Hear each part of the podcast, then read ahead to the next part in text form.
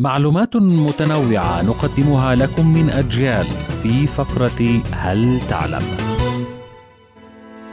ملجأ سري قديم مضاد للأسلحة النووية وبعيد عن هجمات القنابل وصمم لأجل حماية الملك وحكومته وعائلته في الدنمارك إنه ملجأ ريجن ويست حصن الملك ضد الأسلحة النووية.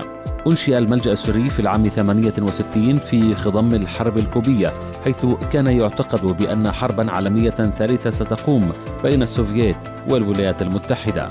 أقيم الملجأ على عمق 60 مترا تحت تل طباشيري ويقع على بعد 400 كيلومتر من العاصمة كوبنهاجن وسط غابة كثيفة من الأشجار.